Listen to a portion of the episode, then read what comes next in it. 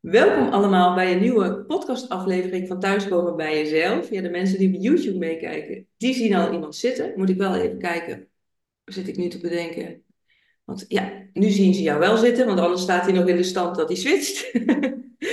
ja, Nanneke, hartstikke leuk dat jij hebt gereageerd op mijn oproep voor ja, een deelname aan zeg maar, mijn podcast Thuiskomen bij Jezelf. Dus we gaan dadelijk lekker de diepte in met hoe jouw weg naar het punt is gegaan waar je nu staat. Maar eerst even voor de mensen die kijken en luisteren. Zou je even kort voor willen stellen? Ja, natuurlijk. En uh, ja, superleuk jouw oproepje. En leuk dat ik ook de gast mag zijn in, jouw uh, in jouw podcast. Uh, mijn naam is Nanneke van Drunen. Ik ben op dit moment dat we dit opnemen, ben ik 44 jaar oud. geboren en getogen Brabantse. Van oorsprong opgeleid als communicatieadviseur en tekstschrijver. Maar daar, daarin wel weer en ook weer niet werkzaam. Maar dat komt vast tijdens het gesprek ook wel uh, te sprake.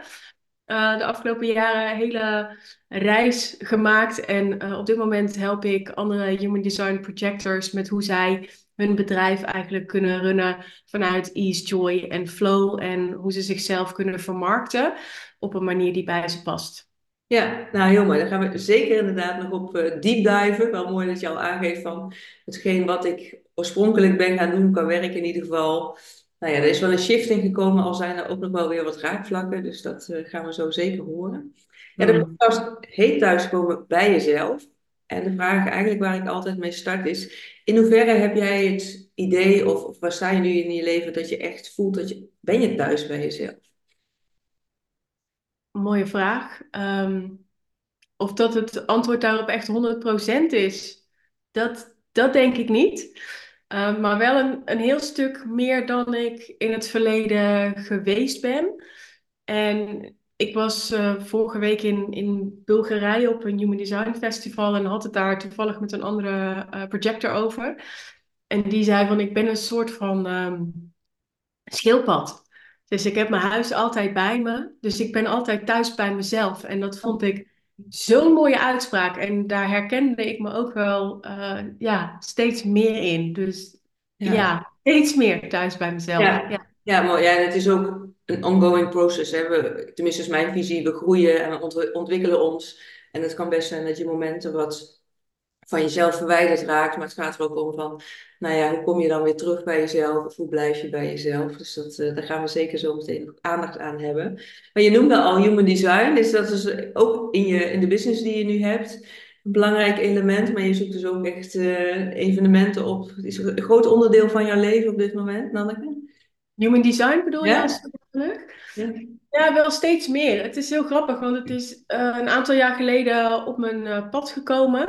Ik weet niet of bij jou op je pad is gekomen, maar ik, ik hoorde het ineens op verschillende plekken. Weet je wel, in een training die ik volgde, uh, een podcast. En op een gegeven moment was ik toch zo nieuwsgierig dat ik dacht, nou, laat ik dan in ieder geval even mijn chart opzoeken. En toen ontdekte ik dus dat ik qua type projector ben. En in eerste instantie had ik echt zoiets van, ja, hallo, nee. Wat heb ik daar nou aan? Ja, weet je, mijn hele, leven, ja, het hele leven was een soort van generator, manifesting generator door, het wereld, uh, door de wereld heen gegaan. Ik dacht, hoezo ben ik een non-energy type en hoezo moet ik wachten op, de, op de uitnodiging? Ik vond het alleen maar irritant en eh, frustrerend. Maar het trok me toch. En ik ben er steeds meer over gaan lezen. Ik ben absoluut geen human design uh, expert. Maar ik ben wel een projector die op haar eigen uh, pad aan het lopen is en een eigen experiment aan het ja, voeren is, zeg maar, binnen Human Design. En dat heel graag wil delen met andere projectors, samen met de kennis die ik uh, ja, door de jaren heen op heb gedaan op allerlei vlakken in mijn leven. Uh, Om het zo voor andere projectors makkelijker te maken. Dus op dit moment ja, speelt Human Design absoluut in mijn dagelijkse leven een, een hele grote rol. Um, ja, dus steeds meer denk ik. En dan vooral het embodyen ervan. Dus niet eens zozeer uh, de kennis, die ik ook heel interessant vind, hè? begrijp me niet verkeerd. Maar voor mij gaat het met name om voelen. Het doen van het experiment en voelen uh, wat het met mij doet. En um, hoe mijn strategie me bijvoorbeeld helpt. Want ik zei net, hè, in eerste instantie vond ik me super irritant. En nu denk ik, oh, maar weet je, hij is er echt met een reden. En daar steeds bewuster van worden en steeds meer voelen wat het voor mij doet als ik bijvoorbeeld eh, die strategie dus eer. En ja, dat vind ik alleen maar een heel mooi proces. En ik denk dat dat me dus ook helpt, als we het over dit onderwerp hebben, om steeds dichter bij mezelf te komen. Mooi, ja, want dat was inderdaad een vraag die bij mij opkwam van wat brengt human design jou dan? Maar dat is dus onder andere dichter bij jezelf uh, komen. Ja, absoluut. Het, het helpt me om uh, mezelf beter te begrijpen. Um, waarom ik bepaalde dingen uh, doe of zie of voel of ervaar. Hoe het zit met mijn energie. En daar dus ook steeds meer oké mee te zijn. Dat ik dus niet die onbeperkte energie heb. dat het bij mij niet constant is. Uh, dat dat ook absoluut geen handicap is. Hè? Laat ik dat ook eventjes heel en Uiteindelijk, als je het weet in te zetten, is het je superpower natuurlijk. Precies, precies. Um, maar het helpt me ook in relatie tot de ander. Is dat iets wat jij herkent? Ja, herken ik heel erg. Mijn man is ja. projector en ik ben manifesting generator.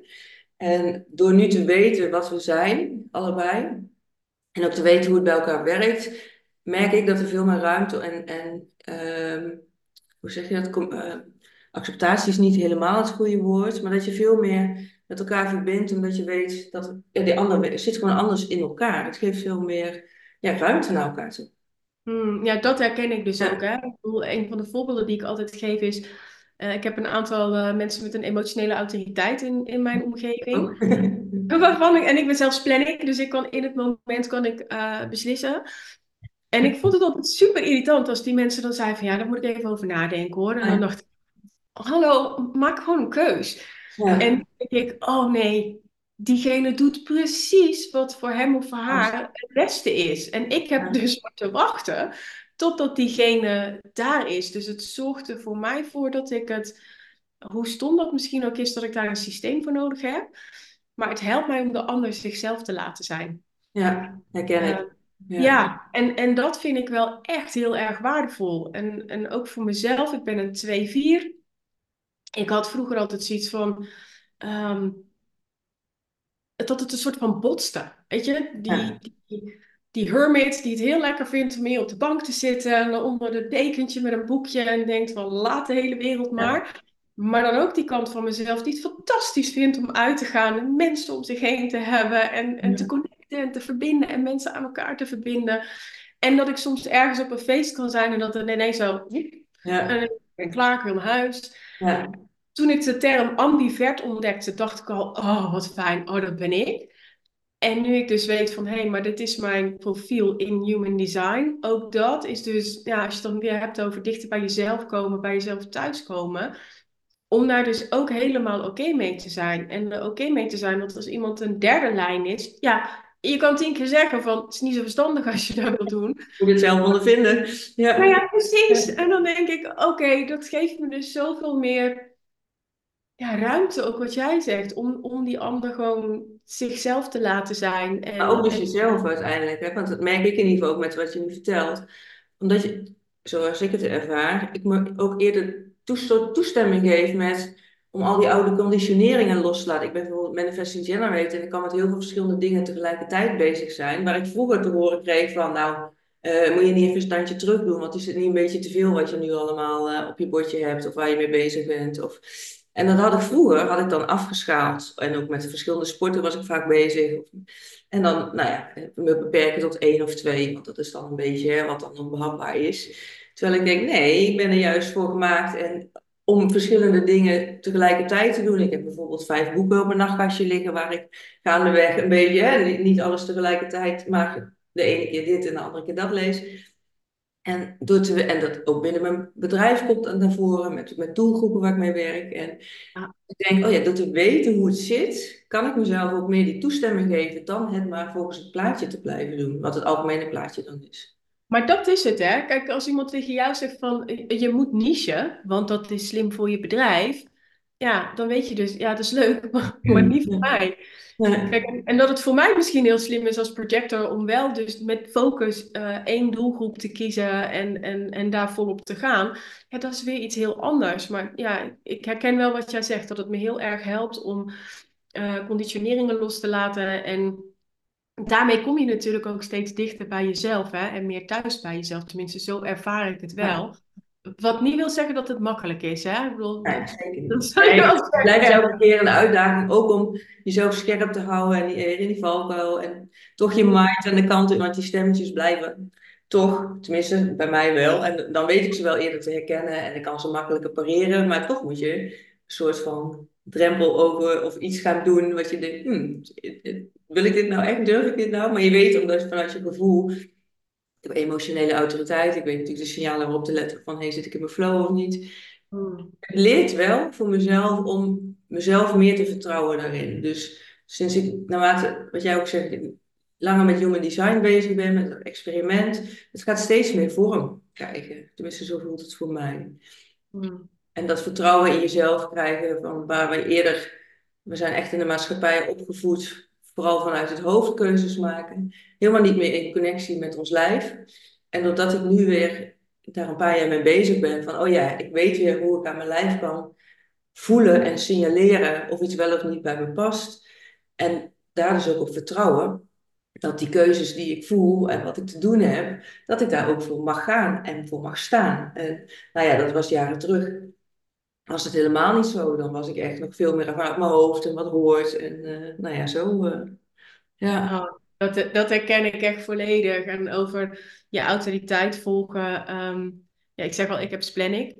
Dus dat is echt in het moment. En um, ik, ik zei net, van ik ben net terug uit, uh, uit een weekje Bulgarije. En ziek teruggekomen. Dus, um, en dat was ook echt zo'n splenic ding. Ik werd uitgenodigd door iemand. En mijn spleen zei eigenlijk meteen gaan. En mijn hoofd vond daar van alles van. Ze zei, nee, moet je nou naar een Human Design Festival? Je bent hem geen Human Design expert. En het is daar koud. En wat ga je nou doen? En nou, allerlei redenen natuurlijk. Dus ze zei ik ook tegen diegene, ik ga even sporten. Want dat helpt ook om, om uit mijn hoofd te gaan in mijn ja, lijf. Ja. En toen heb ik ook daarna heb ik een berichtje teruggestuurd. Van weet je, fuck it. Mijn spleen zei meteen, Dus wil dat eren. Ik ga met je mee. Ik heb geen idee wat ik daar te doen heb. Maar ik ga mee. En ik kan je zeggen, het was. Nou, ik ben nog steeds, ik heb er nog steeds de woorden niet voor wat daar tijdens die zes dagen is gebeurd. Te veel om op te noemen. En ik kan alleen maar zeggen, dat heb ik daar ook meerdere keren uitgesproken. Oh mijn god, wat ben ik blij dat ik mijn spleen heb gevolgd. En dat ik dus niet naar mijn lijf heb geluisterd. En dat ik inmiddels en dat hoor ik jou eigenlijk ook min of meer zeggen, niet meer als wandelend hoofd door het ja, ja, zeker. Ja. ja. En, en, mijn stemmetjes zijn ook wel, ik heb al mijn centers gedefinieerd, behalve mijn identiteitscentrum. Dus uh, alles staat ook wel continu aan bij mij, waaronder mijn hoofd. maar dat is wel iets waar, omdat je dat dan eerder signaleert, waar je veel makkelijker je weg in kan vinden. En waar ik ook wel benieuwd naar ben, want wat ik wel van veel mensen hoor, van ik kom zelf bijvoorbeeld uit de GGZ, er wordt heel erg in hokjes gedacht. Mensen krijgen een stempel, want dan kunnen we er wat mee. Um, ja, human design geeft ook weer ergens een naam aan. Je bent weer een type of je, hè, je, valt weer ergens in. Hoe kijk jij daarnaar? Hmm. Ja, ik denk dat dat altijd de valkuil is. Hè? Ik zie human design echt als een tool. En zeker niet als een hokje om jezelf uh, in te gaan zetten. En ik denk dat de kracht van het systeem is dat het juist zo gedetailleerd is. Want ja, ik ben een projector, maar jij zegt het al, van ik, jij hebt acht centers gedefinieerd. Uh, ik heb er 1, 2, 3, 4 gedefinieerd, vijf ongedefinieerd. Als je dan nog kijkt, uh, misschien een beetje te technisch voor wie kijkt. Maar als je kijkt naar poorten, uh, naar kanalen, naar gedefinieerd, ongedefinieerd, whatever, weet je, dan komt er echt een uniek plaatje met wie jij bent. En dan nog vind ik dat het hem zit in ervaren wat het voor jou doet. Weet je, een plaatje kan zeggen: Dit is het voor jou. Maar als je. Dit zijn je kadertjes. Ja. Precies, maar je bent er altijd nog zelf bij om, om te gaan experimenteren en te kijken, ja, maar is, is dat ook echt waar? Is dat echt mijn waarheid? Of is het dat niet? Weet je, en dat vind ik er dus ook zo mooi aan, dat het, het geeft je een soort van raamwerk om jezelf beter te kunnen leren kennen. Maar wat ik net ook zei, het is een tool. En ik denk dat je het zo ook echt mag gaan zien. Als, eh, voor mij is het één van de tools die ik in mijn toolbox heb. om mezelf beter te leren kennen, om dichter bij mezelf te komen, om uit mijn hoofd en in mijn lijf te gaan. Ehm, dus ik vind het jammer als mensen bijvoorbeeld zeggen van, ja, maar ik ben een projector, dus ik moet middagslaapjes doen. Ja, ja, ja, maar dan ga je het inderdaad bijna een soort van slachtofferrol nemen. Dat je je inderdaad in dat keurslijf gaat zetten. Want ik herken helemaal wat je zegt hoor, daar kan ik me helemaal in vinden. Het is een instrument, een tool om nou ja, echt bij je kern te komen. Ehm, om echt al die laagjes van die ui af te pellen. Van wat is neetje, wat is neurtje. Je noemde ook wat is de waarheid. Hè? Want iedereen kijkt met zijn eigen bril de wereld in. Dat is jouw waarheid. Maar het is niet de waarheid. Dus ik vind het altijd leuk om met mensen die ook human design kennen te sparren. En, en sowieso, en ook met andere mensen hoor. Van, hey, wat is jouw perspectief? Hè, hoe kijk jij naar de wereld? En kun je ook andere mensen een andere waarheid delen of laten zien, andere perspectieven geven? Want ineens is er dan zoveel meer mogelijk dan maar heel kokergericht de wereld in, in te kijken. En daar vind ik human design ook een hele mooie. Ja. Ja, ja. Hé, hey, maar je bent dus, hoe lang ben je dan nu met Human Design uh, bezig? Wat zei je, een paar jaar? Oeh, ik, um, ik hou altijd een jaartal door elkaar. Dat is echt heel erg.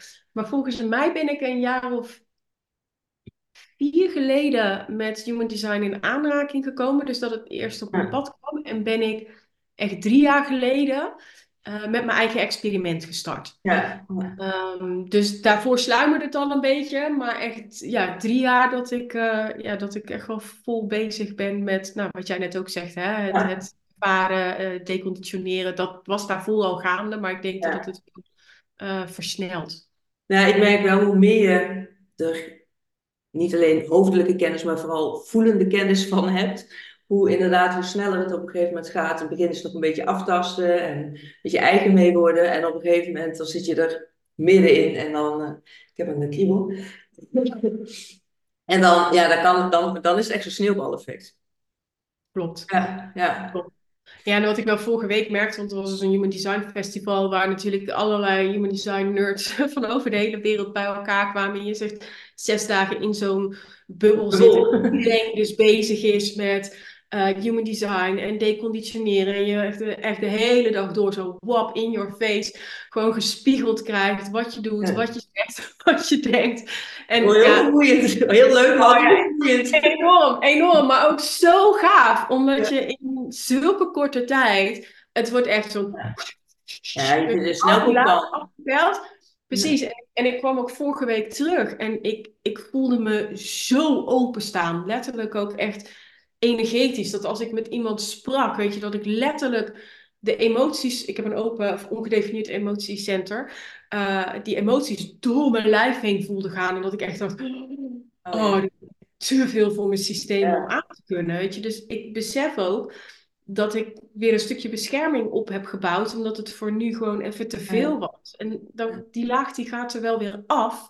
Maar voor nu was het even te heftig, want je zit daar natuurlijk met z'n allen in een, in een bubbel, in een veilige omgeving. Iedereen die het snapt, iedereen die het weet, uh, iedereen die er begrip voor heeft. Letterlijk, als je dus in een experiment op de grond gaat liggen omdat je denkt, nou, ik ben gewoon moe, ik moet even wat energie laten. Ja, weet je, niemand die daar gek over doet.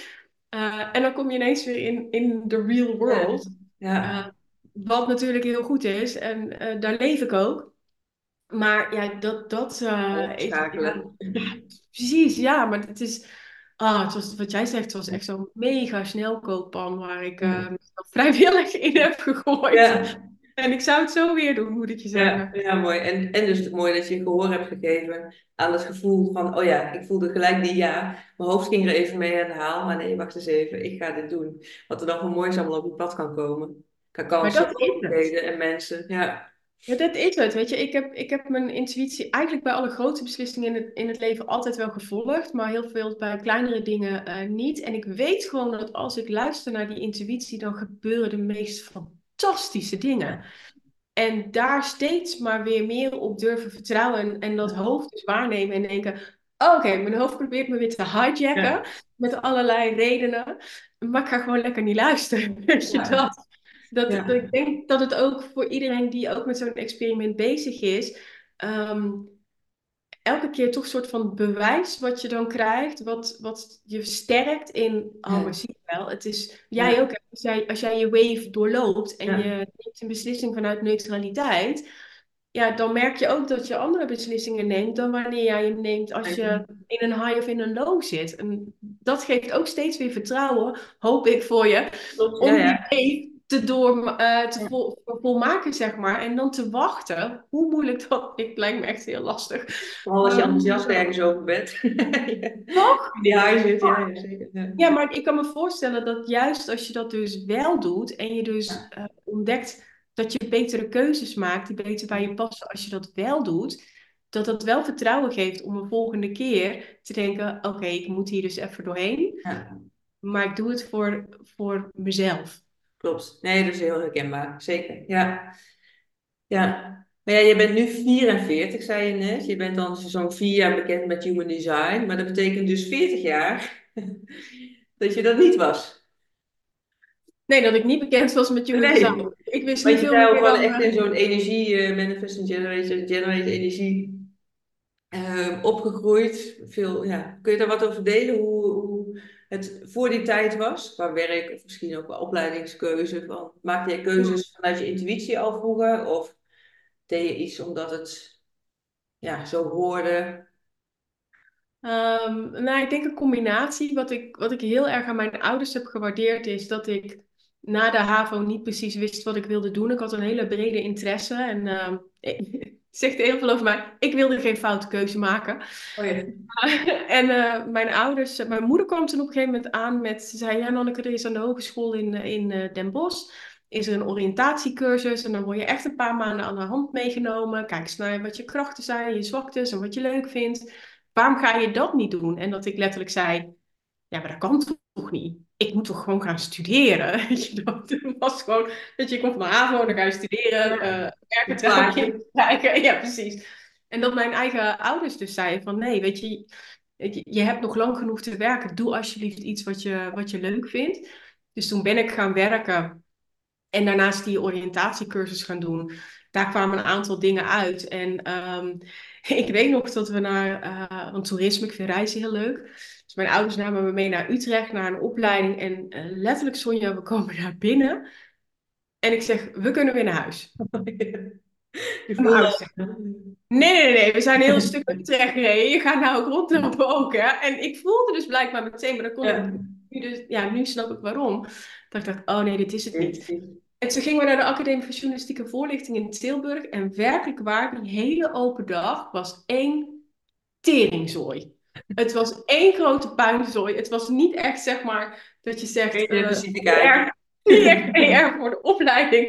Dus mijn ouders liepen daar rond en die dachten echt... Oh, dit gaat ze echt nooit doen. Dit En wordt ik zei, en ik zei, nou, dit gaat hem worden. En mijn ouders hadden echt zoiets van, hoe dan? Dus ik heb die, eh, die opleiding heb ik, eh, gedaan. Ik ben afgestudeerd als, als voorlichter, omdat ik ook wel vrij snel voelde dat de journalistiek, ja, het is gewoon niet zo mijn ding. Ehm, mijn vader heeft ook een eigen bedrijf gehad, dus ik heb hem altijd heel erg hard zien werken. Weet je, dat was ook gewoon, eh, ja, was wel een beetje het motto. Gewoon, weet je, hard werken. Ja, schouders eronder, eh, eigen broek ophouden en ehm, ja, gewoon eh, niet niepen, maar gewoon doen. Dus dat heb ik altijd gedaan. En ik heb bij een gemeente gewerkt en ik heb bij een reclamebureau gewerkt. En vooral daar, ja, deadlines, deadlines, deadlines. Weet je, ik, ik ging van de Nou, deadlines continu aanstaan dan dus. Eigenlijk. continu aanstaan. Ja. Ik zat ook in zo'n kantoortuin met, me- met Oh ja. meerdere eh, mensen. En ik, ik eh, schrijf al mijn hele leven dagboeken en ik heb, pas heb ik ze allemaal terug zitten lezen. En het enige wat ik uit die periode, ik heb daar 2,5 jaar gewerkt, het enige wat ik daar lees is, oh mijn god, ik ben zo moe. En ik ben zo emotioneel en dat ik niet kon verklaren waarom. En nu denk ik, ja, oké, A, ik ben een projector. B, ik heb een uh, ongedefinieerd emo-center. Dus dat ik al die emoties van anderen voelde en niet wist wat ik ermee moest. Dat is ook allemaal vrij logisch. En dat je ook niet weet dat het niet van jou is dan? Niet hoeft te zijn. Nee, dat wist ik, nee, dat wist Nee, ik ook niet. nee. Nee, ja, geen idee. En ik weet nog dat ik, toen was ik 29 en toen zat ik op een vrijdag zat ik, uh, te werken en ik kreeg een e-mailtje van, uh, uh, van een hele goede vriendin van mij. Dat iemand die zij kende, was van onze leeftijd, dus ook rond de 30. Daar was uh, opnieuw kanker bij geconstateerd en dat meisje was binnen vijf dagen dood. Zo. En ik dacht, holy moly. Ja. Ik wil gewoon al, nou, 10, 15 jaar op reis. Ja. En ik doe het niet uit angst. En op dat moment heb ik ter plekke besloten, ik ga het doen. Ja. Als je het dan weer hebt over zo'n splenic beslissing van, Ja. oké. En dat was, denk eind april of zo. En ik ben eind, eind september ben ik vertrokken. Ben ik zeven maanden in mijn eentje. Ben Baan ik, eh, opgezegd. ja, ja, baan opgezegd, eh, appartement onderverhuurd. En ik ben zeven maanden ben ik in mijn eentje gaan reizen. Ja, Eh, vaak een externe wake-up call nodig, hè? Een hele heftige in jouw i- Ja. omgeving van een vriend. Ja. Dat Ja, dus, dus, dat was een, hele grote. En tijdens die reis is, ehm, is het idee ontstaan om voor mezelf te beginnen. Eigenlijk achteraf op uitnodiging, omdat een directeur van het reclamebureau zei: van ja, Hanneke, je weet dat er maar één oplossing is. Jij moet gewoon voor jezelf beginnen. Oh ja. Ja. Maar had je van tevoren nog niet zo in overweging? Of a- o- over nagedacht?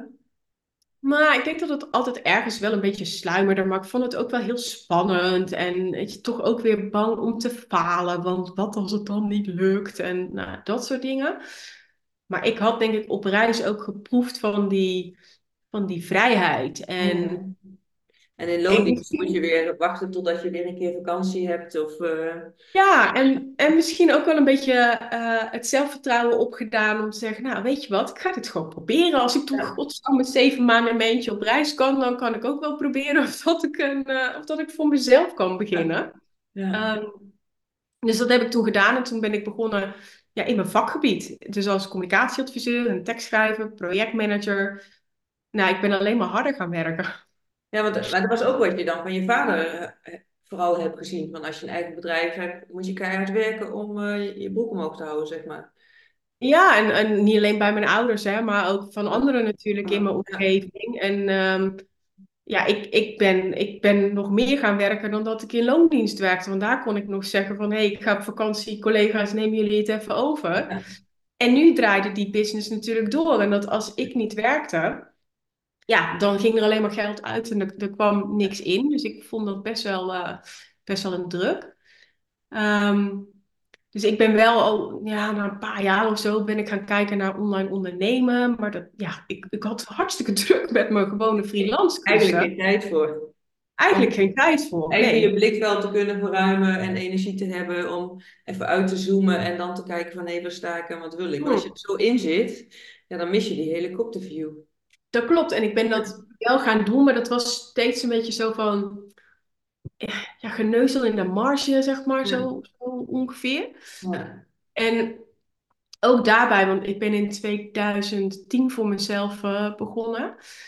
En eh, heb steeds wel een beetje zo van, ah, maar is dit nog precies wat ik wil? Of wil ik toch iets meer die nuance? En dan bijvoorbeeld binnen mijn tekstklussen dat ik alweer meer nuance aan het aanbrengen was van de klussen die ik wel en niet wilde. Ehm, en toen zijn we eind 2019 aangekomen. Dat ik eigenlijk, als je het dan hebt over thuiskomen bij jezelf, dat ik dacht, ah, ik ben helemaal niet meer zo gelukkig. Oké. Ja. Weet je, Waar- ik- Waar merkte je dat aan? Dat, wat, dat die gedachten zo eh, ineens, maar in ieder geval dat je dat merkte? Nou, ik denk dat ik, dat ik me gevangen voelde in mijn eigen bedrijf.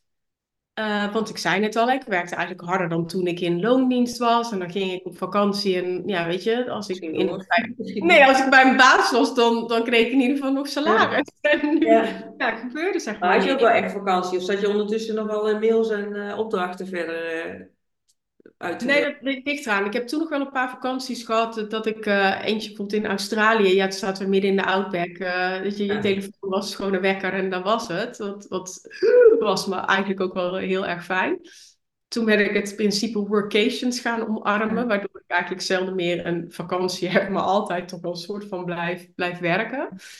Ehm, dus ik denk dat het dat was, dat ik dacht van ja, hé, hey, ik ben dit bedrijf begonnen omdat ik zoveel meer vrijheid wilde. Maar heb ik die vrijheid nou eigenlijk die ik, eh, die ik wil? Ik zat op een klus waar ik echt, nou, de jaren daarvoor, waar ik heel ongelukkig van werd. Ik eh, moest er veel voor reizen, dus veel reistijd kwijt, files ontwijken. Oh ja. Dat ik dacht, ja, maar Nanneke, Het is niet, uh, Is niet het wat je in eerste instantie voor je hoofd had, of voor in beeld had. eh. Nee, dat. En ehm, nou ja, jij hebt het net over een wake-up call waardoor ik eh, eh, ben gaan reizen. Nou, eh, rond mijn ja, 2019, dus toen was ik eh, rond mijn 40ste, heb ik een tweede gehad. En eh, dat was omdat er bij mijn schoonzus acute leukemie werd geconstateerd. Ehm, en dat zette echt gewoon, ja, niet natuurlijk het leven van haar en van mijn broer volledig op zijn kop, hè, maar dat van onze hele familie. En dat was voor mij echt weer zo'n Iemand shake je door elkaar en die zegt, maar waar ben jij nou eigenlijk helemaal mee bezig? Ehm, en ik was ook zo verdrietig als je het dan hebt over, ik was een wandelend hoofd. Nou, na dat nieuws, ik heb denk ik een maand lang echt alleen maar, ja, ik wil niet zeggen zitten huilen, maar ja, dat was gewoon heel heftig. Want we kregen ook, vooral in het begin, kregen we slecht nieuws na slecht nieuws, na slecht nieuws. Dus dan denk je, oké, we zijn er weer. En dan kregen we weer slecht nieuws ja. over. Als je net denkt van nee, we krabbelen een beetje op, zij krabbelt op en dan kwam er weer iets. eh. Precies. En, Ja. en ja, dat was gewoon heel heftig. Maar ik denk dat dat er bij mij wel voor heeft gezorgd dat ik het proces wat ik alweer in was gegaan met, nou, wat ik net zei, hè, van ben ik nog wel zo gelukkig en, en doe ik wel wat ik, wat ik wil doen. Nou, dat is wel echt weer in een versnelling gekomen door die diagnose van mijn schoonzus. Want toen dacht ik, ja, hallo, ik kan het ook zijn, hè, die over een paar jaar te horen krijgt van, eh, ja, mevrouw, maar als we niks doen, dan hebt u nog maar een paar, een paar weken te leven. En leef ik dan het leven waar ik helemaal blij van word? En toen moest ik heel eerlijk zijn, nee. Nee.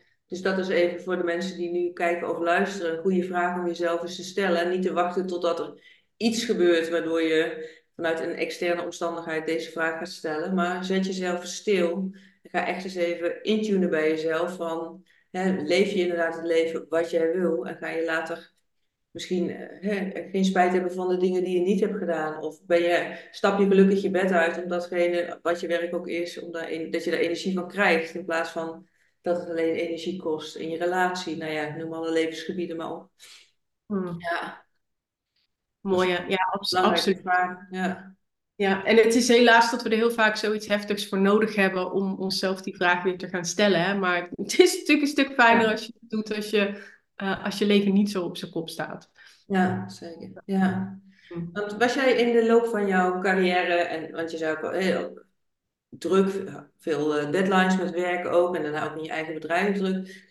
In hoeverre was jij bezig met iets van persoonlijke ontwikkeling? Of had je daar tijd en ruimte voor?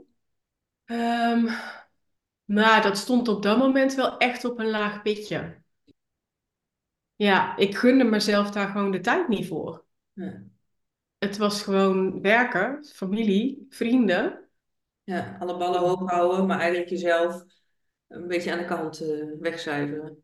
Ja, en ik denk dat dat dus echt, zeg maar, eh, eind 2018, begin 2019, toen ik dus begon te merken van, oh, ik ben eigenlijk helemaal niet zo gelukkig. Ja. Ehm, toen was ik al wel met wat trainingen en, bezig, en zo bezig, maar ja, ik denk dat 2019 daar wel echt het keerpunt is geweest. En, en toen, ja, de diagnose van mijn schoonzus echt gewoon, weet je dat, van, Ja. ik kan niet anders meer, ik, ik wil niet anders meer. Ja. Ja, het is echt, Maar dan is nog wel de vraag, maar wat, wat dan wel? Want je hebt dan je bedrijf. Ben je daar toen, hoe ben je daar eh, jouw weg in gaan vinden? Ja, mooie vraag. Ik, ehm, het heeft natuurlijk zo moeten zijn, hè, maar de week voordat wij de ehm, diagnose kregen van mijn schoonzus, was ik in een mastermind ingestapt. ehm, bij Kim Munnekom. Oh ja. En ik had helemaal niks met manifesteren. Laat ik dat even vooraf zeggen voor iedereen die zegt, oh, vaak shit en zo. Ik stond er ook zo in. Ik had echt zoiets van, oh, echt, nou, echt, ik weet dat ik ben je dan toch ingestapt? Want dat vind ik dan wel een interessante. Ehm, nou, omdat, omdat eh, eh, ik een één op één call met Kim had en zij mij enorm wist te raken. En zij mij alle ruimte gaf om eh, te voelen wat voor mij juist was. En ik besefte, maar dat weet ik nou ook pas achteraf, dat mijn, dat mijn intuïtie al lang ja had gezegd, maar mijn, mijn hoofd er weer tussen zat. Ja, ja. En ik letterlijk dus, toen ze zei van, ah, je zit in de groep, dat ik letterlijk dus twee boeken heb gekocht over manifesteren. Want ik denk, oké, ik moet wel even een beetje lezen, want echt, anders dan hebben sta ik allemaal over termen en ik heb geen idee waar ze het over hebben, weet je wel. Dus zo nieuw was ik uh, bijvoorbeeld in, in, in dat gebied. Um, ja, en, en de support van die groep was heel erg fijn. Um, en ik weet nog dat wij het was in december. Uh, toen zaten wij in, uh, op een live dag bij elkaar. En uh, ik zei op een gegeven moment, ik voel mijn bedrijf niet meer. Mm. En dat Kim echt zo bijna over de tafel heen kwam. En ze zei, van, nou, in eerste instantie zei ze, ja, maar Nanneke, wil je niet iets doen met meer diepgang? En toen vertelde ik over een, een idee wat ik al een aantal jaar had, maar wat ik mezelf ook nooit de tijd voor gunde om, om iets mee te doen. En toen sprak ik dat uit en toen kwam ze, ik half over de tafel en zei maar Nanneke, dat moet doen. En ik zo... daar helemaal voor zeker wat het kon worden. Ja, nee, ja, echt. En, en dat, dat heeft eigenlijk een soort van ja, katapultwerking gehad. Eigenlijk ook weer een uitnodiging, hè? Je hebt jezelf mee met iets bezig en Kim die dan zegt van... Dit is wat je te doen hebt, wat je mag doen, wat je ja. ja. Ja, en dat was omdat ik natuurlijk bezig was met de commerciële kant van schrijven, maar ik me al jaren ehm, enorm fascinerend vond hoe schrijven je letterlijk kan helpen helen. En dat vertelde ik daar dus. En toen zei ze, ja maar Nanneke, daar moet je iets mee doen. Dus toen ben ik heel dat pad opgegaan van eh, hoe je jezelf dus letterlijk beter kunt schrijven. Uh, emotioneel, maar ook lichamelijk. Er is, uh, er is een onderzoek gedaan dan hadden ze een sneetje gemaakt in de arm van mensen. En sommigen hadden, laten, hadden ze laten schrijven over algemene dingen. En anderen hadden ze laten schrijven over ja, iets, iets traumatisch was, wat was gebeurd. Of over de operatie zelf, wat ook een traumatische uh, ervaring is voor je, voor je lijf. Ja. De mensen die daarover hadden geschreven, hun wonden hielden letterlijk sneller. En ik dacht echt. Ja, maar als je de, techniek, de kennis van kwantumfysica en het manifesteren en nou ja, dat komt dan allemaal bij elkaar. Precies, maar dat, dat was zo fantastisch. Ja. Dus ik heb een programma ontwikkeld, Schrijf Jezelf Beter. Een van de andere deelnemers in de mastermind, die zei meteen... Nanneke, ik wil jouw proefklant, weet je. Echt, dus je hebt geen excuses meer. Ehm, in de groep waren mensen die heel lief uh, aanboden om mij Reiki te sturen. Dat vond ik zo fascinerend dat ik uh, Reiki ben gaan doen. Ik ben in aanraking gekomen. alles ging open ik kwam in aanraking met ademwerk en dat vond ik ook zo fascinerend. Er gebeurde zoveel in mijn lijf tijdens die eerste sessie dat ik echt dacht: holy moly, dit wil ik ook leren. Dit wil ik andere mensen ook uh, kunnen bieden. Dus ik ben uh, ademwerk facilitator, breathwork facilitator geworden.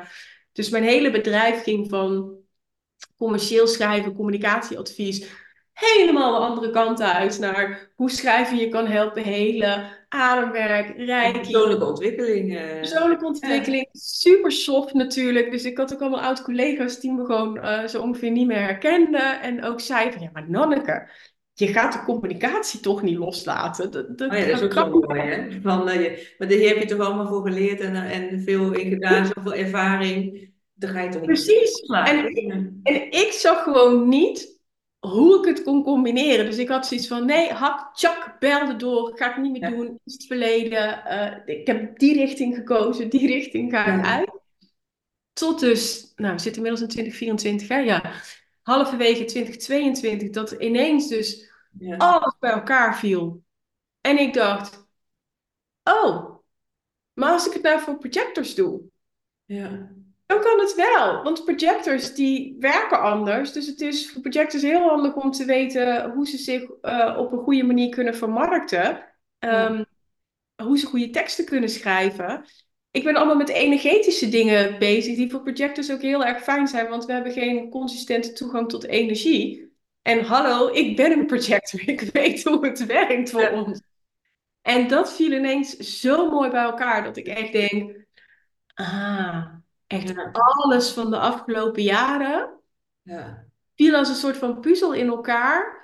Dat ik denk, ja. ja, maar dit is het. En dit ben ik. Ja, letterlijk dat thuiskomen bij jezelf. Door ook in je werk te kunnen gaan doen wat echt bij jou past. Ja. Ja. Waar, ik nog wel nieuwsgierig naar ben, is ook, want eerder, je, had, je zei, ik heb al heel lang dat idee, had je al. Toen je mhm. met Kim dat uitsprak, dat was misschien voor het eerst, weet ik niet. Of in ieder geval dat je daar mee bezig ging van, want je zei, voorheen had ik daar eigenlijk geen tijd voor om dat uit te werken. Ehm, dan ben ik even mijn vraag kwijt, wat ik wil. Maar ik wat denk je dat jij daarin tegenhield? Is om, waren dat overtuigingen van, ik kan er bijvoorbeeld geen geld mee verdienen? Of, ehm, hè, want er kan ook een stuk angst zijn wat zich projecteert van, ik heb er geen tijd voor, want dan hoef je er ook niks mee natuurlijk. Wat was het voor jou? Van alles. Uh, het, het was echt ook letterlijk, weet je, ik verdiende mijn geld natuurlijk met iets anders. Dus mezelf de tijd er niet vergunnen. Um, maar als ik heel eerlijk ben, dan zat daar ook een hele grote angst, waar ik dus de afgelopen jaren dwars doorheen heb, uh, heb gemoeten, uh, van mezelf, is dat ik bang was voor de mening van anderen. Als Nanneke, die dus bezig was met commercieel tekstschrijven en communicatieadvies, die bij een reclamebureau had gewerkt, ineens aankwam met, ja maar hallo, schrijven kan je helpen helen, weet je? dat ik die softe hoek in, softe hoek hè, dat ik die softe hoek in zou gaan en ehm, het ineens ging hebben over ademwerk en energie en reiki en ja, weet je, daar heb ik echt heel veel drempels over gemoeten bij mezelf om daarover te gaan praten, om daarover te gaan delen, om oké te zijn met die kant van mezelf. Ja. En wat heeft jou daar vooral in geholpen om dat dan wel, want het is heel spannend, je hebt het wel gedaan. ja, ik denk dat het voor mij op een gegeven moment um, voelde alsof ik ook gewoon echt niet meer anders kon. Er was zo'n, weet je, ik, ik moest gewoon dat programma Schrijf Zelf Weten, moest er ook komen. Dus ik, ik kon niet anders meer. Ehm, en wat me heel erg geholpen heeft, is ja, daarin kwetsbaar zijn. Ehm, toen ik bijvoorbeeld deelde via uh, Instagram Stories dat ik Reiki 1 was gaan doen, kreeg ik ineens allemaal reacties van mensen met wie ik al lang contact had. Hè? Ook een oud collega met wie ik verdorie bij het reclamebureau had gewerkt, die zei: Oh, maar dat kan ik ook. Oh. Zei. Maar hoe kan. Dat was nooit een gespreksonderwerp. Hoe kan het dat ik dit nooit van jou geweten heb? En ineens, omdat ik dus open was over, ik vind het best spannend, maar ik ben Reiki gaan doen. Ja. Andere mensen dus aangaven bij mij van, hé, hey, maar dat kan ik ook. Ja. ja, er zijn zulke mooie gesprekken daardoor ontstaan. Ik heb echt contacten gehad die daardoor enorm zijn verdiept. Wat jij zegt, het, het was nooit gespreksonderwerp en ineens bleken we over zoveel meer te kunnen praten dan dat we altijd hadden gedaan. Omdat we ineens veel meer raakvlakken hadden dan dat we wisten. Dat is dus ook een hele belangrijke dus voor jou en, en ook als tip dan weer voor de mensen die meeluisteren of kijken. Spreek je uit hoe spannend het, spannend het ook is. Want ja, voor heb je allemaal mensen in je omgeving, weet je er niet van dat je een gemeenschappelijke delen hebt of dat er andere mensen op aanhaken die uh, nou ja, jou even versterken in, in je kracht. Ja, is dat iets wat jij ook herkent? Dat je, dat je dat spannend vindt om bepaalde dingen te delen? Zeker, ik heb recent ja. Ehm, ik heb van Tess Vliers de, de, workshop gedaan, of de uh, communiceren met je bedrijf, energetisch communiceren met je bedrijf. En er kwam een heel duidelijk beeld naar voren van wat hoe mijn bedrijf eruit ziet in energie, zeg maar. En, uh, en, wat ik te doen heb. En daar heb ik voor gekozen, omdat ook, ik heb ook mijn profielfoto ook aangepast. Ik heb ook een ik zag het, ja. plaatje van. Uh, ja. Heb ik zelf gemaakt, die steen, of dit is een kristal, dat is mijn bedrijf. En ik sta er echt met een vergrootglas voor, want het bedrijf is er al in, in, onze, ja, in onze energie waarin we leven. Alleen, het moet neergezet worden. En ik, vond het best wel lastig om dat te delen, omdat ik ook dacht, ja, wat vinden mensen daar nou van? Ik ben over het algemeen best wel down to earth, maar ook met de kant fysica bezig en ik werk met hypnose. Dus dat zit je ook wel een beetje in die kant. Ehm, en toen dacht ik wel van, ja, ik ga het wel delen. Sowieso. Want ik heb zoiets, dit is wat ik te doen heb en waar ik voor sta. En als je jezelf, uh, als je dat niet deelt, dan hou je en jezelf klein en de mensen met wie je potentieel kan werken, omdat ze gewoon niet weten waar je, wat je doet, waar je voor staat. En omdat ik, ja, en wie, ja, communiceren met je bedrijf, of ik mensen denk, hoe kan je nou praten met, met een bedrijf, met een iets wat eigenlijk niet een vaste vorm, want ik werk thuis. Ik heb geen gebouw waar ik naartoe ga of zo, weet je. Dus dat was, dat was echt wel een drempel. Maar door het te delen en er open over te zijn, krijg je ja, heel veel, eigenlijk alleen maar mooie reacties. En uh, merk ik ook dat het in mijn eigen kracht weer versterkt. Want dat is ook waar ik zelf mensen mee help. Ga in je kracht staan, ga en sta voor wat je te doen hebt. En ik merk dus bij mezelf, elke keer komt er weer een soort nieuwe level.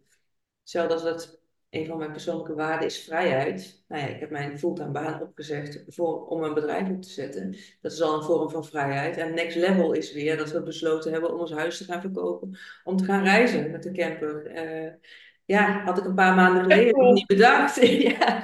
Maar doordat ik in gesprek kwam met iemand en die triggerde iets in mij. En dat heb je, ja, dat is wel mijn beleving van visie. Je hebt echt mensen nodig waarmee je in gesprek gaat. Bijvoorbeeld jij ook wat je met Kim eh, in, in die mastermind hebt ervaren. Die raken iets door een vraag die ze stellen of doordat jij iets hardop uitspreekt wat je ja, misschien te spannend vindt om daar zelf mee aan de slag te gaan alleen. En doordat je iets dan uitspreekt, of dan, dan gaat iets ontstaan, zeg maar. Van een, voor mij dus een heel groot verlangen van, ja, maar wacht eens even. Vrijheid is heel belangrijk, maar ik zit nog steeds, ik heb wel mijn eigen agenda die ik bepaal, maar ik zit nog steeds vast aan een hypotheek en één plek op de wereld waar ons huis staat, waar we steeds naartoe teruggaan. Dus ja, zo, zodoende is dat ontstaan. En mijn man is gelukkig. Uh, ja, die wil het ook. dus dat is, wel, uh, dat is wel heel fijn, want anders dan, ja, dan moeten we daar samen weg vinden natuurlijk hoe anders. Maar hij zei, ik, ik ging naar hem toe van, hey, dit is uh, die droom van wel eens met de camper weggaan. Is dat iets wat we blijven dromen? Want dat is prima, dat kan. Een droom hebben en weten van, nou, dit blijft een droom. Uh, of, of is het iets waar we voor gaan? En toen zei hij, nee, ik wil er wel voor gaan. En toen hadden we dus ook van, ja, dan moeten we niet jaren wachten, want je weet niet wat er gebeurt in het leven. Nu zijn we vitaal en kunnen we het realiseren. Ja, we kunnen wachten totdat we pensioengerechtigde leeftijd hebben. Ik ben 45, mijn man wordt volgend jaar 60. Uh, ja, weet je, de vraag is of het dan kan. Want we hebben ook situaties in ons privéleven van mensen die hele mooie dromen hadden, maar die dat niet meer kunnen invullen. Ja, daar gaan wij niet op zitten wachten. Nou, maar hoe cool. Ja, zeker. Ik ben wel benieuwd. Heb, jij hebt hier wel je emotionele wave dus doorlopen voordat je het met je, met je man... Nou, niet helemaal. nee, ik heb het... Um, tijdens het gesprek met iemand kwam het heel erg, die, die, uh, dat gevoel. Ik heb zo'n uh, dat buikgevoel, zeg maar, heel erg als manifesting generator. Dus die ging gelijk aan. Dus ik heb de volgende dag gelijk met mijn man besproken. Dus, nou ja, hè, dus ik heb niet eerst mijn eigen golf afgewacht. Maar we, ja, dit is een proces van maanden natuurlijk. Dit is niet van de een op de andere dag gerealiseerd. En mijn man is, heeft ook een emotionele autoriteit, maar die is wel iets terughoudender. Dus wij, en ik ben gelijk van het gaan. Dus wij hebben in die zin wel een mooie balans daarin. En we hebben ook de tijd losgelaten. Ik, ik zeg, we gaan dit jaar nog. Want dat wil ik wel uitspreken. Want als ik steeds zeg, nou het komt ooit. Hè, dat is ook, alles heeft energie, ook woorden. Dan blijft het ook in de toekomst. Dus ik heb heel duidelijk uitgesproken. Deel ik ook op de socials. Dat vind ik ook spannend bijvoorbeeld. Mijn man wil dat liever niet zo delen. Want ja, straks lukt het niet. Of, hè, en, en dan? Wat vinden mensen daarvan? Ik zeg, nee, dit is waar ik voor sta. Je hebt een droom, daar ga je voor. Uh, dat heb je ook ja, uit te spreken. Dan zeker ik, omdat het ook mijn werk is om mensen hierin te begeleiden. Als je die dromen hebt, ja, eh, ga er ook, doe er gewoon alles aan wat je kan om het te realiseren. En dan zie je wel of en wanneer het lukt. Maar ja, als je daar niet mee bezig gaat, weet je zeker dat het niks wordt. Of misschien nog nee. Precies, en wat ik ook zo mooi vind aan wat, jij, wat je uh, zegt en dus ook doet, is um, you practice what you preach. Ja, zeker. Ja. En ik denk dat dat heel belangrijk is. Weet je, ben ik, ben ik een projector die volledig uh, al in de design leeft? Nee, absoluut niet. het is ook zo. Wel best. Het is ook zo groot. Ik bedoel, al weet je heel veel en dan heb je het nog te integreren in je leven en dan kom je weer allerlei thema's, dan komt er weer iets nieuws op bij. Precies, en weet je wat jij net ook al zei, every level has, has its devil. Weet je, dan denk je van, oh, nou, dat heb ik toch inmiddels antwoord losgelaten. Nee, nooit joh. Er komt gewoon weer eentje naar boven en dan denk je, oh nee, is toch wel weer een laagje. Dus het is ook zo'n ongoing proces, maar ja, ik, ik vind het echt fantastisch. En ook als ik jou nou hoor zeggen van, weet je, natuurlijk is het spannend om bepaalde dingen uh, hardop uit te spreken of via social te delen. Maar we merken dus allebei wat het doet als je dat dus wel doet. En hoe verrijkend het voor je leven is als je, uh, als je dat dus doet. En als je af en toe daarin ook kwetsbaar durft te zijn. En, en weet je, al, al zou het 2025 zijn dat jullie weggaan, is, is het dan mislukt omdat je niet in 2024 bent gegaan? Dan denk ik, nee. En dan zouden, wat ik zeg altijd, life is happening, wel making plans. We kunnen niet in de toekomst kijken en wat er gaat gebeuren. Voor hetzelfde geld zitten we over tien jaar nog hier. Kan me niet voorstellen hoor, maar hè, worst case scenario, een beetje, hè, dat kan. Maar dan zijn er andere dingen die weer eh, komen. Maar wat ik wel grappig vind, is wat ik nu ervaar in dit gesprek, zeg maar, wat ik bij mezelf nu ervaar, die beslissing nemen om mijn huis te verkopen en alles achter te laten, is minder spannend als, als het, dat ik die beslissing genomen heb te delen op socials. Snap je wat ik Ja. Het delen van de beslissing is spannender dan de beslissing zelf maken. Voor mij in En ieder geval. kan, kan je, kan je verklaren waarom dat is? Nou, omdat ik zelf, ik, ik heb alle vertrouwen dat dit gaat lukken, dat het hoe dan ook gaat komen, op wat voor vorm dan ook. Maar inderdaad, wat vinden anderen ervan? Van, hè, bijvoorbeeld mijn ouders. Wij wonen hier nu, we hebben dit huis twee jaar geleden gekocht. Het is een nieuwbouwwoning, dus wij wonen hier september een jaar. Ehm, ja, ga je dan nu al je huis verkopen? Ehm, maar, en wat doe je dan? Hè? Heel, heel veel mensen zijn echt alleen maar enthousiast, maar ook wel van die vragen. Ja, maar als je dan weer terug wil komen naar Nederland en dan heb je geen huis. Ik zeg, nee, maar wij hebben onze camper, dat is ons huis. Dat voelt voor mij ook echt, dat is gewoon, dat is remote wo- wonen, wat je zei met die schildpad. Dat is letterlijk, we hebben echt overal waar we zijn, ons huis bij ons. Dus ja, thuis bij jezelf kan je zijn, als je ergens overal op de wereld ook nog eens je huis mee kan nemen. Precies, niemand Thuis. maakt wat. En, maar dan denk ik wel, oh ja, het gevoel toch dat je, of ik dan in dit geval, voor bepaalde keuzes soort van moet verantwoorden, terwijl ik vanuit voelend weten, dus echt weet, maar dit is wat we te doen hebben, dat dat een stukje maakt van, oh ja, dat vind ik dus spannend om te delen, want mensen gaan er wat van vinden, en dat is altijd zo. Maar dat ik dus echt over die, ja, die hobbels worden steeds kleiner, omdat ik ook heel makkelijk ben met social media en ik deel gewoon alles. En ook omdat ik belangrijk vind dat mensen weten wat ik doe en wie ik ben, ook om met mij te kunnen Mm. samenwerken. Eh, dus, maar, maar ja, ik heb ook rekening te houden met mijn man, die daar eigenlijk liever niet had. Omdat hij zegt, ja, eerst moeten we alles, de projector, eerst alles goed uitzoeken of het allemaal wel kan. En, en, nou ja, en het klopt ook, maar dat wil niet zeggen dat je ondertussen al in een proces kan zijn van, maar dit is gewoon de, de beslissing genomen van dit gaan we gewoon doen. En dan merk ik, ook omdat we weten wat we van elkaars eh type zijn en hoe onze charten en elkaar. Ik meer van hem dan hij van mij, hoor, want hij is er niet zo mee bezig. Maar dat helpt wel heel erg om elkaar de ruimte te geven. Dus ik zeg, nou weet je, we laten de tijd gewoon los. Jij denkt dat het een paar jaar duurt, ik denk dat het dit jaar is. We zien het wel. En ondertussen zit ik in die actiemodus en hij zoekt alles uit wat er nodig is om, eh, ja, ik moet ook wel internet hebben overal, want dat is mijn werk, online, eh, ondernemen, coaching. Ja. Dus dat is, nou ja, daar, gaat hij helemaal op. Hij vindt hij heerlijk dat soort dingen uitzoeken. Dus eh, Ja, maar dat is toch heerlijk, want dan zitten jullie ook gewoon allebei wat dat betreft in, in je kracht. En ja, het is ook wel mooi dat jij zei van, ja, ergens is er dan toch ook weer de angst over eh, wat andere mensen ervan ja, vinden. Hè? het Ook weer, ja, enorm die conditionering. En je, wat jij ook al zei, ja, ze hebben toch een mening. En is altijd wel iemand die je ergens mee voor het hoofd eh, eh, stoot. Weet je, dat merk ik ook regelmatig. Ik, ik, alles Nou, wat ik niet dat ze het ehm, soort veilig willen houden en allemaal goed bedoelde adviezen geven om het eh, uit te stellen, om het kleiner te maken, om het veilig te houden. Terwijl ik denk, ja, huis verkopen, komen we wel weer ergens terecht.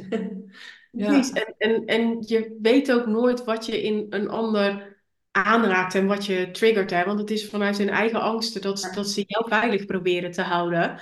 En ik ook, weet je, ik, ik, ik deel best veel eh, online. Ik deel meer niet dan wel.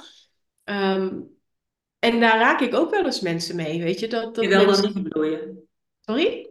Je zei meer niet dan wel, maar je bedoelt misschien meer wel dan niet dat je deelt? Eh, nee, meer niet dan wel. Ik, Oh, mensen oh, denken altijd dat ik heel veel deel. En oh, ik deel sorry. Relatief ook wel veel. Maar ik denk dat er nog steeds meer is wat ik niet Oh, deel dan wat ik wel deel. Ja, Ehm, en ik doe het altijd met de juiste intentie en nooit om iemand te kwetsen.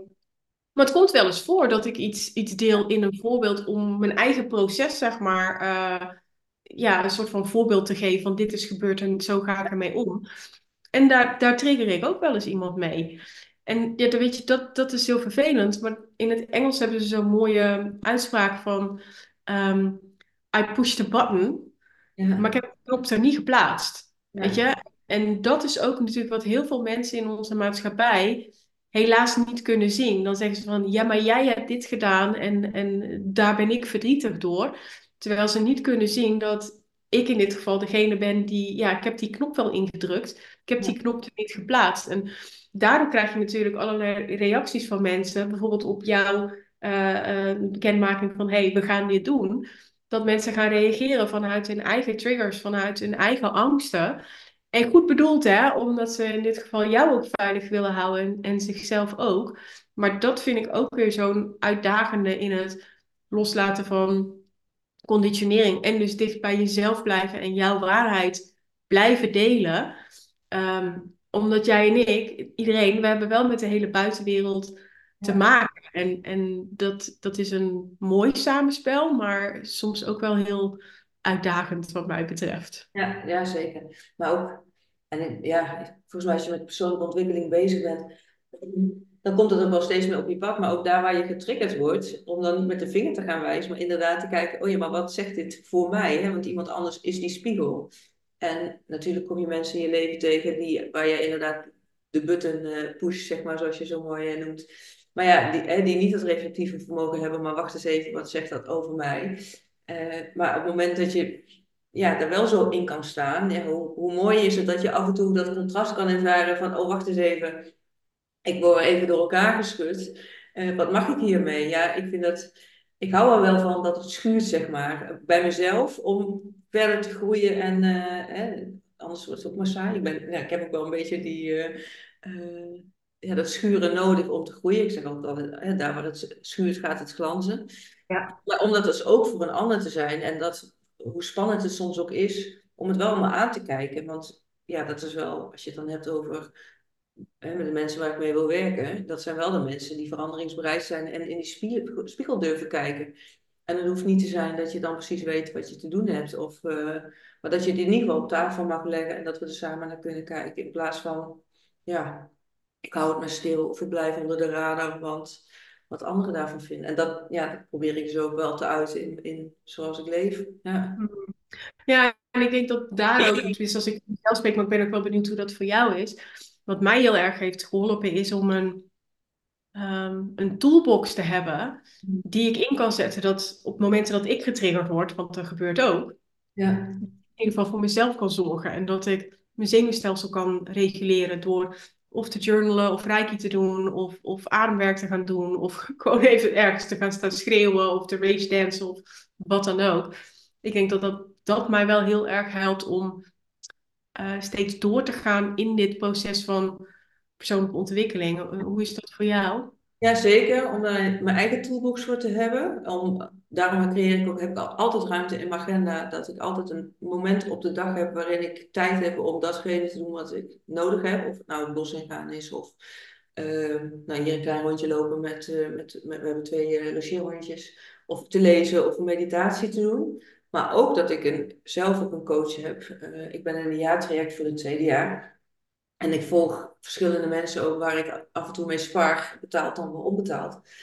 Omdat ik mijn eigen blinde vlekken heb en ook die groei wil doormaken. En dat, ja, dat gaat sneller als je iemand hebt die die spiegel voorhoudt, dan dat je er zelf, ja, je, bent, je houdt jezelf toch onbewust veilig vanuit het overlevingsmechanisme wil je echt die stappen zetten, dan heb je iemand nodig die je echt, even uh, een beetje liefdevol schudt van, wacht eens even, maar uh, is dit niet zo'n oud patroon van jou? Of uh, ben je jezelf nu niet aan het klein houden? wat heb je hierin te doen? Ja, ja super waardevol. Ben ik, ben ik helemaal ja. met je Echt, je hoeft het niet allemaal alleen te doen. Zeker niet. Is het ook. Nee. Hey, even nog weer terug ook naar jou, want je hebt dus nu je eigen uh, bedrijf. Je hebt onder andere Reiki gedaan, zei je al, breathwork. Hoe integreer je dat dan nu met ook en het, en het tekstschrijven voor meer gericht op persoonlijke ontwikkeling en helen? Hoe ziet, hoe ziet dat eruit bij jou? Een traject of als mensen bij jou instappen? Um, nou ja, verschillende dingen. Ik uh, ben mijn hele bedrijf weer uh, aan, het, uh, aan het stroomlijnen en ook weer dingen aan het, aan het loslaten. Maar mijn grootste focus is op dit moment dus om andere projectors te helpen. En daar heb ik um, Projector Magic voor. Dat, dat is eigenlijk het grootste programma wat ik, wat ik aanbied. En daarin combineer ik eigenlijk alles. Dus dan kijken we ook naar ja, waar sta je? waar belemmer je jezelf? Uh, welke conditioneringen heb je en hoe kun je die dus uh, loslaten? Uh, waar wil je naartoe? Waar droom je van? Nou ja, wat staat dan in de weg om daar te gaan komen? Maar ook, hoe doe je dat dan bedrijfstechnisch? Dus hoe schrijf je als projector bijvoorbeeld goede teksten um, die, die ervoor zorgen dat je zeg maar, het eindresultaat krijgt wat je wil, zonder dat je denkt, voelt echt gewoon heel erg vreselijk. Dus daar komt een hele copywriting, storytelling kant, content marketing kant komt uh, om de hoek kijken. We gaan ook in op nou ja, de signature van uh, projectors, succes natuurlijk.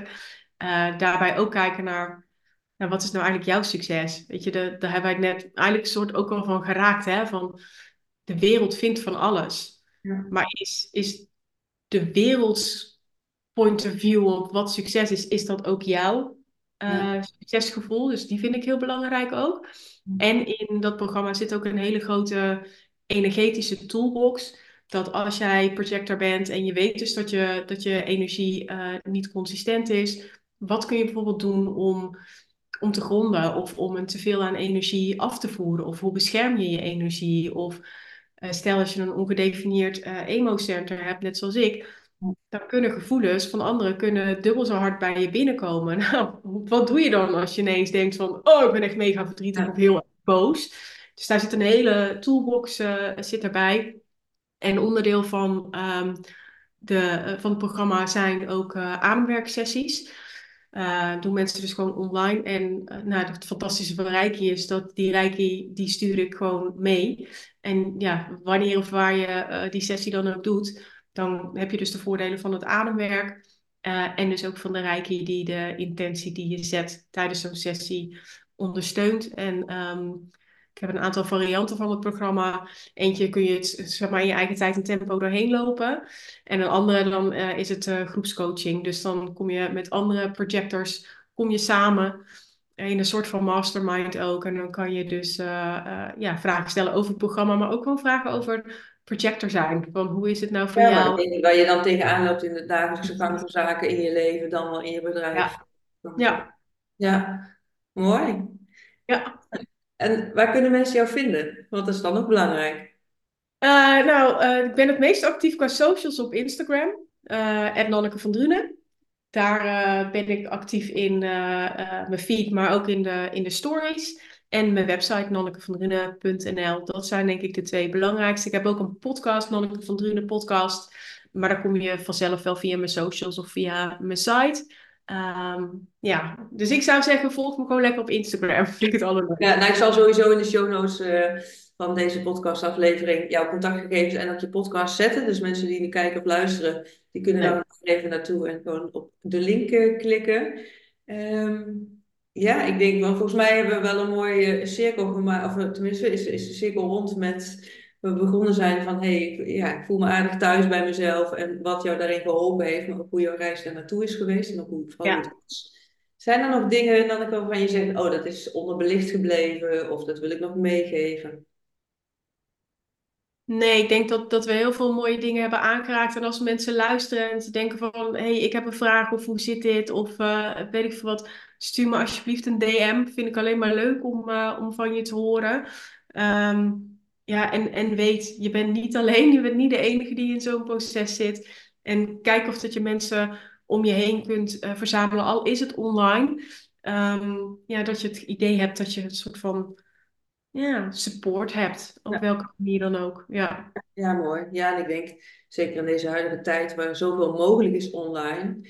Nou ja, wij zitten nu ook in deze podcast aflevering omdat ik een oproepje heb gedaan in de LOA groep van Kim inderdaad. Om, uh, en wie daar interesse in had. En zo zijn wij op elkaar pad gekomen. Ja, ik vind dat uh, magisch en een hartstikke mooi gesprek. En we, en we volgen elkaar en weet je, wie weet wat er allemaal nog uit voortkomt. Maar Precies. je moet zoveel mooie mensen die je anders ja, niet tegenkomt.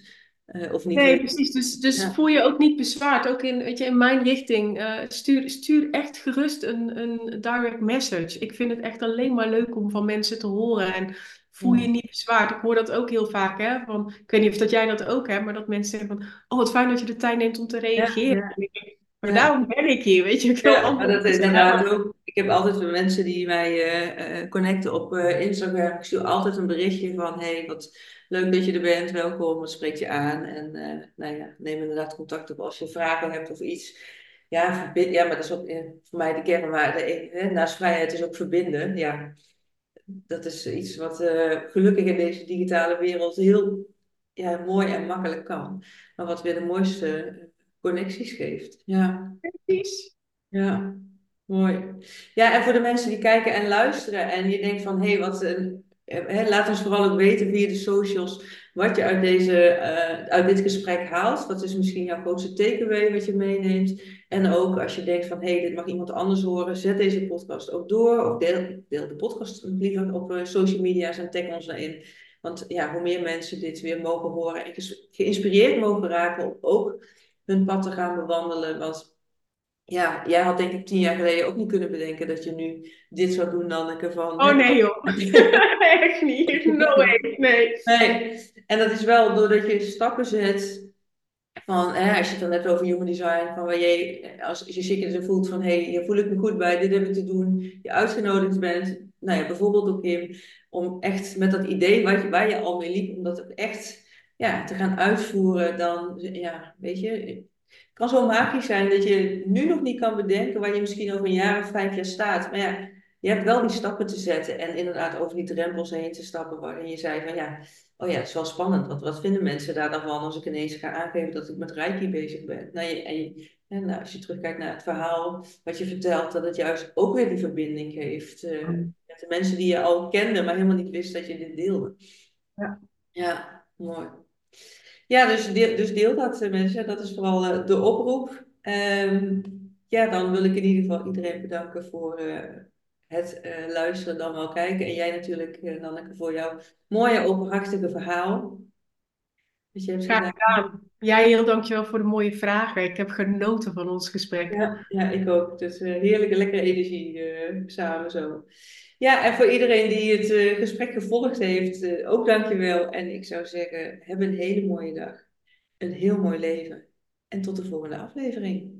Elke keer weer als ik klaar ben met zo'n gesprek voor deze podcast thuiskomen bij jezelf, dan ben ik nog helemaal aan het nagenieten van het mooie gesprek en zo ook ja, het gesprek wat je net hebt geluisterd, wat ik had met Nanneke. Ja, we zijn allebei ontzettend benieuwd natuurlijk wat je eruit haalt en hoe jij eh, onze energie samen hebt ervaren. Ben je zelf projector en ben je op zoek naar iemand die jou daarin kan begeleiden? In de show notes staan alle gegevens van Nanneke, maar ook haar podcast, zoals je het misschien interessant vindt om die te gaan luisteren. Wat nog een mooi is, wat Nanneke op de website heeft staan, is Change Your Story, Change Your Life. Nou ja, dat is wel iets wat aan de orde is gekomen, dat door Human Design je echt je conditioneringen tegen het licht kan gaan houden en een andere waarheid kan gaan aannemen als je daarvoor open staat en ook het werk wil doen. Omdat, wat Nanneke ook al zei, het is niet altijd makkelijk. Het vergt ook veranderingsbereidheid en het aan willen gaan, het aan willen kijken en er echt die, stappen in zetten. Als je nou denkt, hey Sonja, die veranderingsbereidheid, die heb ik en ik wil ook zeker stappen zetten. Ik heb alleen geen idee waar te beginnen, wat te doen en uh, hoe vooral. Daar kom ik dan in beeld.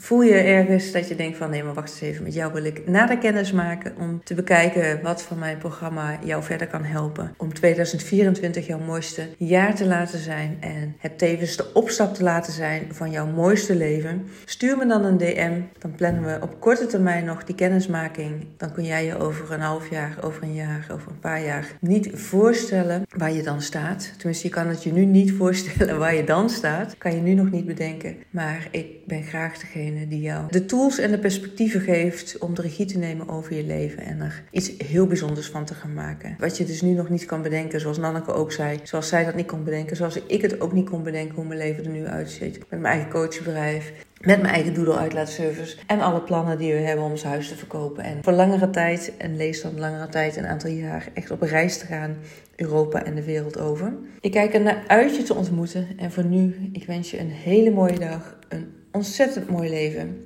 En tot de volgende aflevering.